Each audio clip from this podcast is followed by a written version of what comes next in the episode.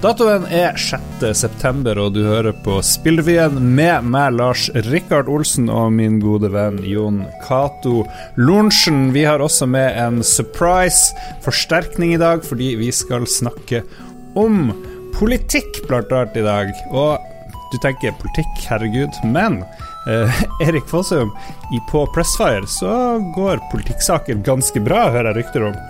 Ja, det går ganske fint, det. Vi ser på pressfire.no at KrF er det eneste partiet i Norge som ikke ser ut til å mene noe om dataspill. I alle fall var det sånn da dere tok kontakt med alle partiene i Norge for å høre hva de tenker rundt spill og spillkultur. Hvor opptatt er partiene av spillpolitikk, Jon Cato?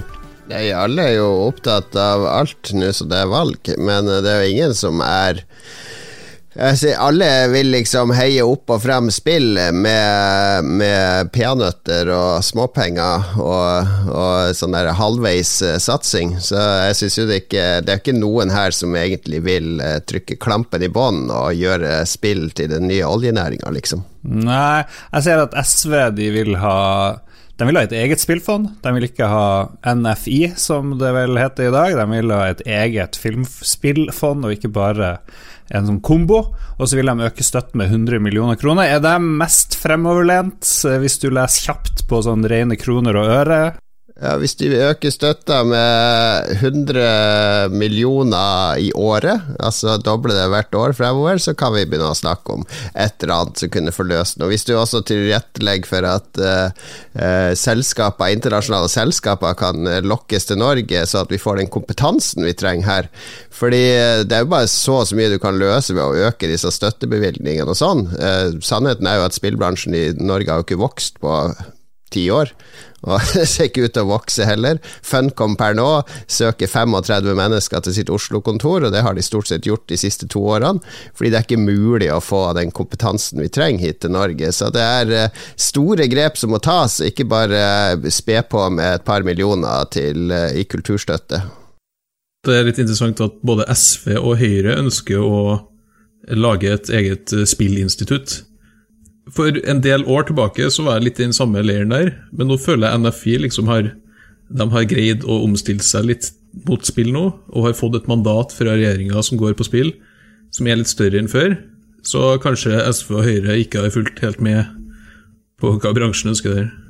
Kjersti Moe, som har kommet inn i NFI, hun har jo eh, rista NFI litt i, gru i grunnvollene. Hun kommer jo fra mediebransjen, hun er vant til omstilling. altså Alle vi som har vært i mediebransjen de siste eh, 20 årene, vet jo hvor mye omstilling det har vært der.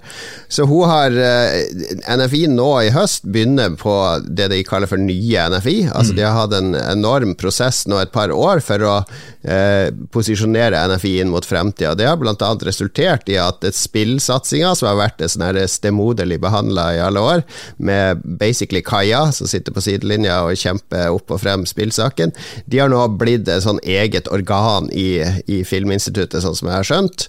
Så jeg er ikke sikker på at et eget spillinstitutt nå i dag for å ta vare på de 250-300 som profesjonelt jobber med spill i Norge, er det riktige? Skal vi ha 30 byråkrater? Fordi det, er, det blir mye byråkrater som følger med et eget institutt. Du skal jo være etterrettelig, du skal arkivere ting, du skal ha økonomien i orden.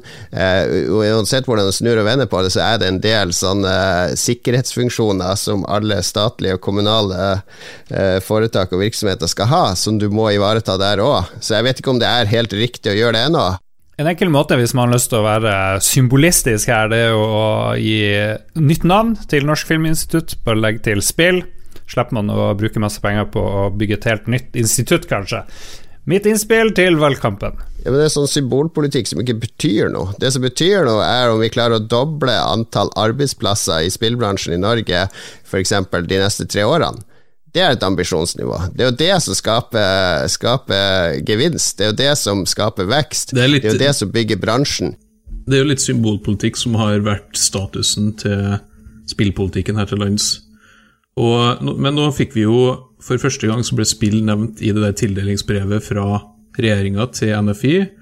Det er jo en bra start. Så vet jeg at internt så har NFI like mange punkter på spill, altså det de skal oppnå på spill, som de har på film fremover også bra, men det er som du sier, det er så å si ingen av partiene som snakker om å skape arbeidsplasser her.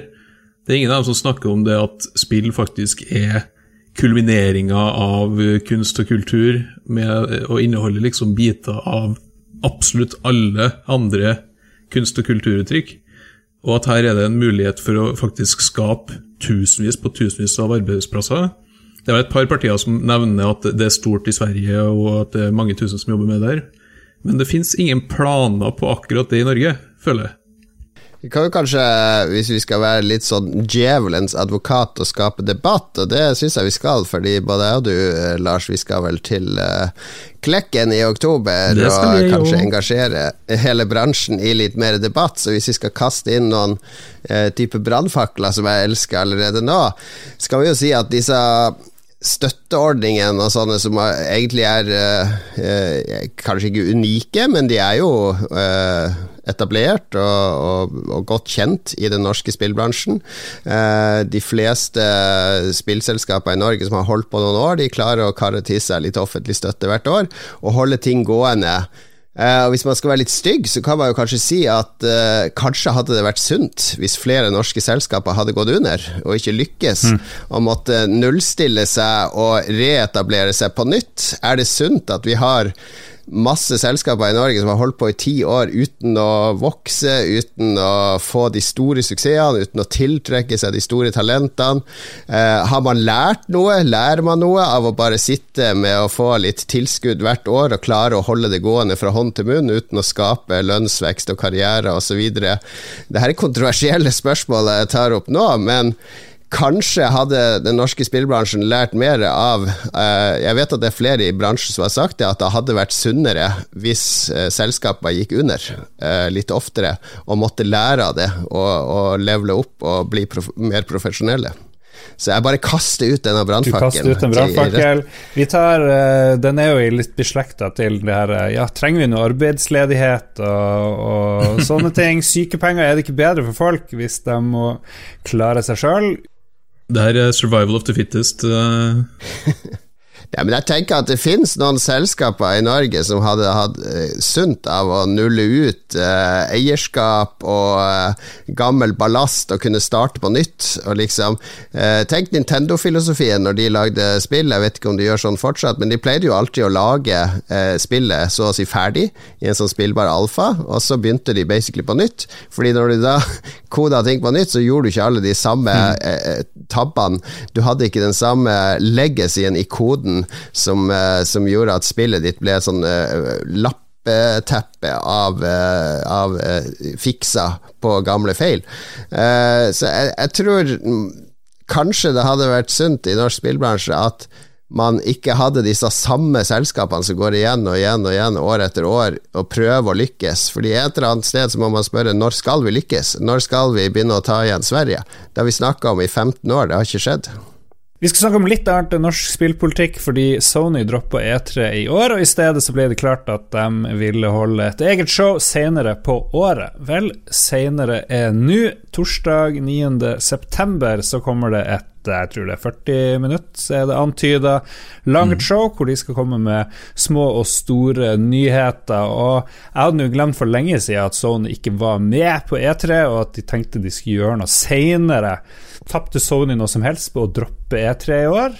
Jeg føler at jeg nesten har fortrengt E3 allerede, fordi det var Altså, hvor mange sendinger var det? Det var 1920 Ja.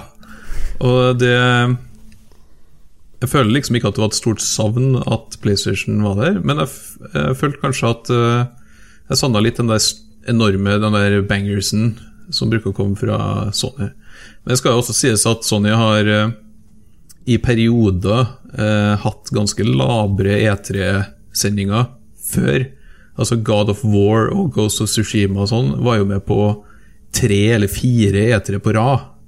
Og på et tidspunkt så hadde de en E3 der de bare viste frem tre spill. Der publikum måtte flytte seg mellom forskjellige telt uh, ut på parkeringsplassen i Los Angeles. Mm. Så jeg tror, ikke, jeg tror ikke Sony tapte veldig mye på ikke være på E3. Samme hvor mye liksom entusiastpressen holdt på å mase om at de taper mye på det. PlayStation 5 eh, selger fortsatt i bøtta og spann, liksom. Ja. Så, men uh, for oss som følger med, så er det jo hyggelig at nå blir liksom fest igjen på torsdag, da. Jon Cato, hva du husker best fra E3 i år? Jeg husker uh, egentlig veldig lite. Jeg husker en håndfull indiespill som gjorde inntrykk mest pga. det visuelle og artige ideer. Mm. Så husker jeg nesten ingenting av de Xbox og de tingene der. Det var noe Forsa-greier. Det er uh, Vi som har sett 20 pluss etere, det, det, blir litt Det var mye vampyrer, husker jeg. Det var mye vampyrer, de nye zombiene. Og så Jeg sitter bare Det er som en feberdrøm. Det er som om jeg skulle hatt uh, vært sjuk hele den perioden og bare drømt om spill. Jeg syns jo indiespill var liksom det som uh, de vant etere, på mange måter. Det var der liksom de store nyhetene kom, og det var der noe av det beste som vi så, kom. Det, det vi mangla helt i år, Erik, var den Altså, det, de gamle etere før ting ble streama på nettet ja, Nå høres det ut som jeg er sånn grinebiter som snakker om de gode gamle dager, men det som skjedde da, var jo at jeg og Snorre Bryne og andre som reiste over, vi måtte jo kuratorere. Hva er det største og kuleste her som vi må videreformidle til våre lesere. Så vi måtte jo aktivt tenke på det når vi rusla rundt der. Og det var jo Det var ikke like mange spill, det var det ikke, men det var vel opp mot 1000 spill på mm. ja, på E3 da òg, og du kunne avskrive 900 av de ganske fort. Og Da kan det hende at man gikk glipp av noe gull, men du dro liksom hjem, og så disse 30 titlene var stand-out-titlene på E3 i år. Og det har du ikke i år, for nå handler det bare om Det er ikke noe less i small, det, er bare Her er alt. Se alt. Ja, Se alt fra denne showcasen. Her er alle spillene som ble vist på denne showcasen. Det er ingen vurdering her på hva var det som faktisk var den imponerende demoen, hva var det testa som dette kommer til å bli banebrytende, osv. Du bare får så mye informasjon skutt med maskingevær på det, og så har du ikke noe mulighet til å verken prøve det eller snakke med dem som har laget spillet. Samtidig så hadde jo sånne Vi fikk jo litt sånn flashbacks til det, den tida når det var kleine pressekonferanser gjennom den der Koch Media sin uh, utrolig dølle kavalkade. Vi bruker jo å prate av og til er det på tide å skrinlegge E3. Hva er funksjonen? Hvor du står der, Erik? Jeg syns uh, overhodet ikke det må skrinlegges. Ja. Uh, E3, uh, som vi så, så var det veldig mye blest rundt E3 i år. Det var tydelig at uh, både utviklere og publishere og dem som kikker på, trengte det her nå.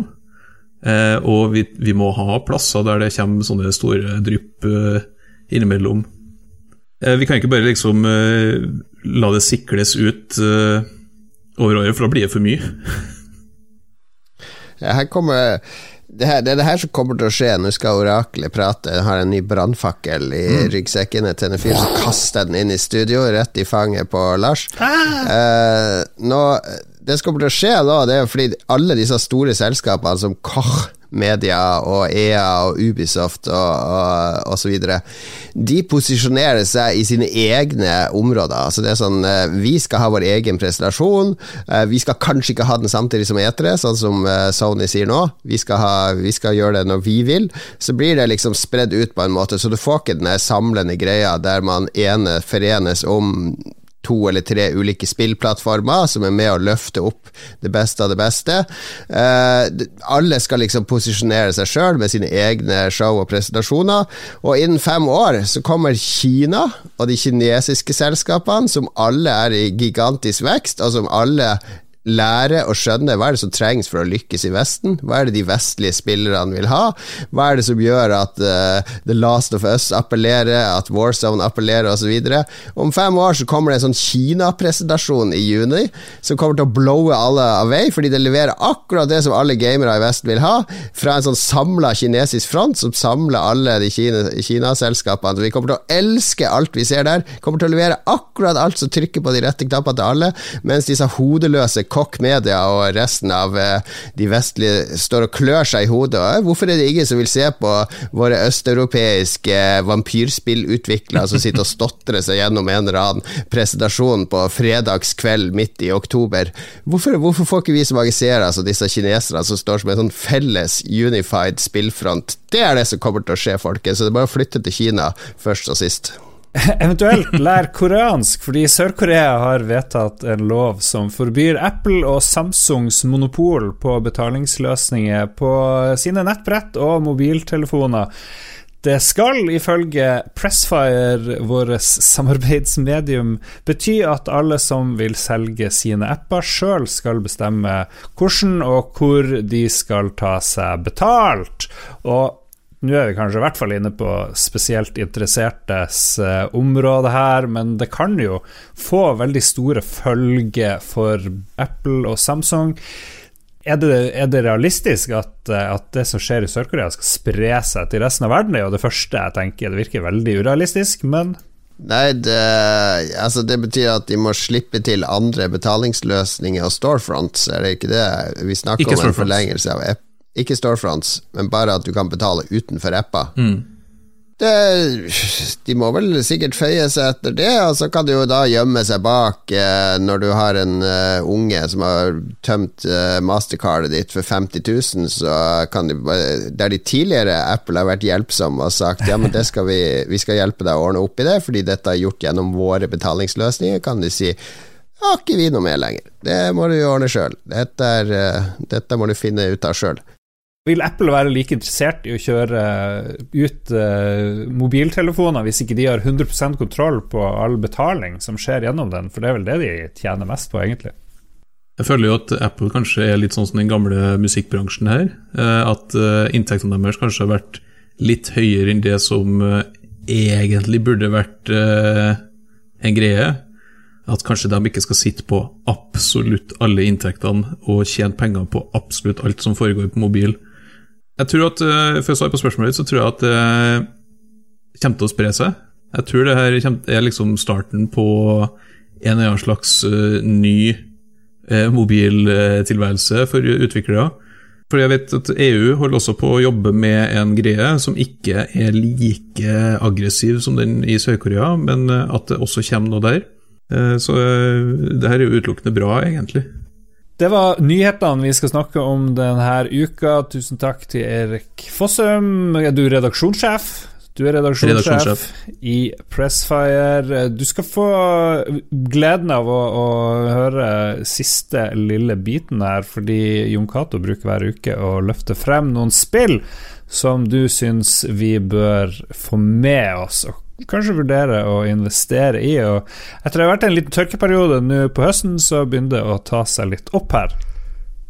Ja, det, spillhøsten er vel kanskje egentlig i gang. Det renner i hvert fall på med interessante spill. Og nå er det ikke sånn at vi ramser opp alle spill her. Vi, vi tar noen få som vi mener kanskje er verdt litt eh, oppmerksomhet. Om du ikke skal kjøpe og spille de, så i hvert fall holde deg oppdatert på hva som skjer. Eh, Vampire the Masquerade Bloodhunt er det først ut 7.9. Kommer det? Det er vel uh, Er det ikke Paradox som eier disse World of Darkness-seriene der Vampire inngår? Og alle hadde jo trodd at de holder på med Eller de holder vel egentlig også på med nye action-rollespill i, i sjangeren, men her har de valgt å lage Eller få et selskap som heter Sharkmob, ja. til å lage Battle Royale-spill som foregår i Vampire-universet. Ja, det er litt humoristisk, syns jeg. Vi hadde litt artig om det i forrige ukes Lolbua. Få med deg meg gjøre narr av 1000 år gamle vampyrer som kryper under en trapp og sitter med en granat for å drepe andre vampyrer. det, ja, vi trenger kanskje flere Battle Royale-spill, jeg vet ikke, Erik? Ja, det trenger vi absolutt. Det skal jo sies at den Battle Royale-sjangeren har jo blitt svelgt helt av Fortnite nå. Og sånn som PubG, som var liksom kom inn på Steam, ble det mest spilte spillet noensinne på Steam og bare forsvant helt rett etterpå. Det syns jeg er litt interessant. Ja, det, det forsvant vel i stor grad over på mobil, fordi PubG er vel gigasvært på mobil i India og Kina, i hvert fall. Det er mange som ikke vet det, men PubG er potensielt det største spillet som finnes. De kommer jo med tall om liksom sånn 600 millioner nedlastinger og sånn, og eh, har 200 millioner aktive spillere. Da snakker vi liksom Fortnite-nivå. Og ja. det her er i stor grad to eller tre land som står for nesten alle spillerne. Og Det er India, og det er Kina, og det er Brasil. Og det er jo land der ja. mobilspilling er veldig stort. Eh, så skal ja. jeg ha med at i Kina så heter det jo ikke PubG, det heter jo Freedom Game og sånt. Der eh, spillet har blitt endra såpass at du skyter jo Hvis du blir skutt, så vinker du farvel og går vekk fra banen istedenfor å dø. Og det er mm. veldig fint. Ja, det var vel det Miyamoto mente de burde ha i kredittsekvensen på Golden Eye òg, at James Bond gikk på sjukehus og besøkte alle han hadde skutt i løpet av spillet, så viste at han var ikke en drapsmann. Det stemmer. Eh, neste spill ut uh, er fra EA, faktisk. Uh, det er Electronic Arts.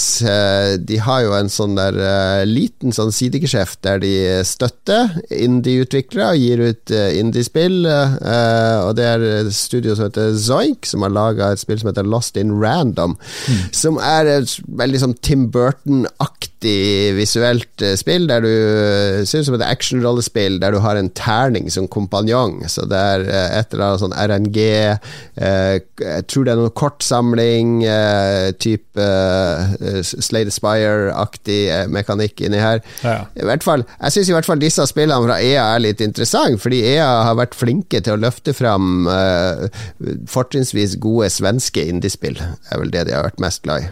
Jeg syns EA har Altså, for all dritten som folk gir EA, så bør de også få klapp for det her.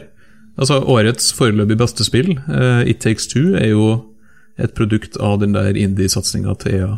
Ja, det ser veldig svensk og veldig sjarmerende ut. Og så kan det vel også nevnes at EA har en av de rauseste indie-ordningene, med at mm. de recooper investeringa si, og så gir de 100% royalty til uh, utvikleren etter det. Det er det ingen i spillbransjen som matcher. Hva vil du si brannfakkelen i dag, da, Yukato? Er det et eller annet er det en baktanke her? Er det en uh... Jeg har egentlig aldri skjønt den uh, Folk som har motsetning mot at uh, store selskaper gjør bra ting. Fordi ja, men da er det bare PR. Så det er sånn, Jo, jo, men ja. hvis det gagner alle sammen, så er jo det bare hyggelig. Kjør på. Det de kunne gjort, var altså ta litt av den Fifa-lisensen, altså gi til en eller annen svensk eh, sær indie-utvikler, f.eks. de Simogo-folkene. Her, hva kan dere gjøre med Fifa-lisensen? Vi skal fortsatt lage EA-Fifa, men lage sånn indie-Fifa med den offisielle lisensen, og så ser vi hva det blir. Bare frie tøyler. Det hadde vært litt kult. Det er en god idé. En annen litt sånn indie-darling-spill, eller jeg vet ikke hvor indie det er, franske Don't Nod, uh, sammen med Square Enix, har jo gjort det relativt greit med Life Is Strange-spillene. Det finnes to Life Is Strange-spill så langt. I det første så kunne du uh, spille en ungdom som kunne manipulere tida, og i oppfølgeren så var det vel noe uh, telekinesis.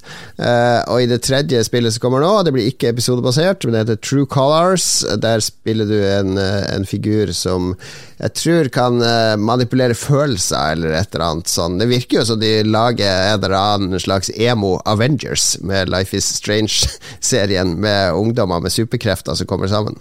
Er det her en oppfølger til Super Princess Peach, der du skal manipulere følelsene dine og gråte gjennom banen?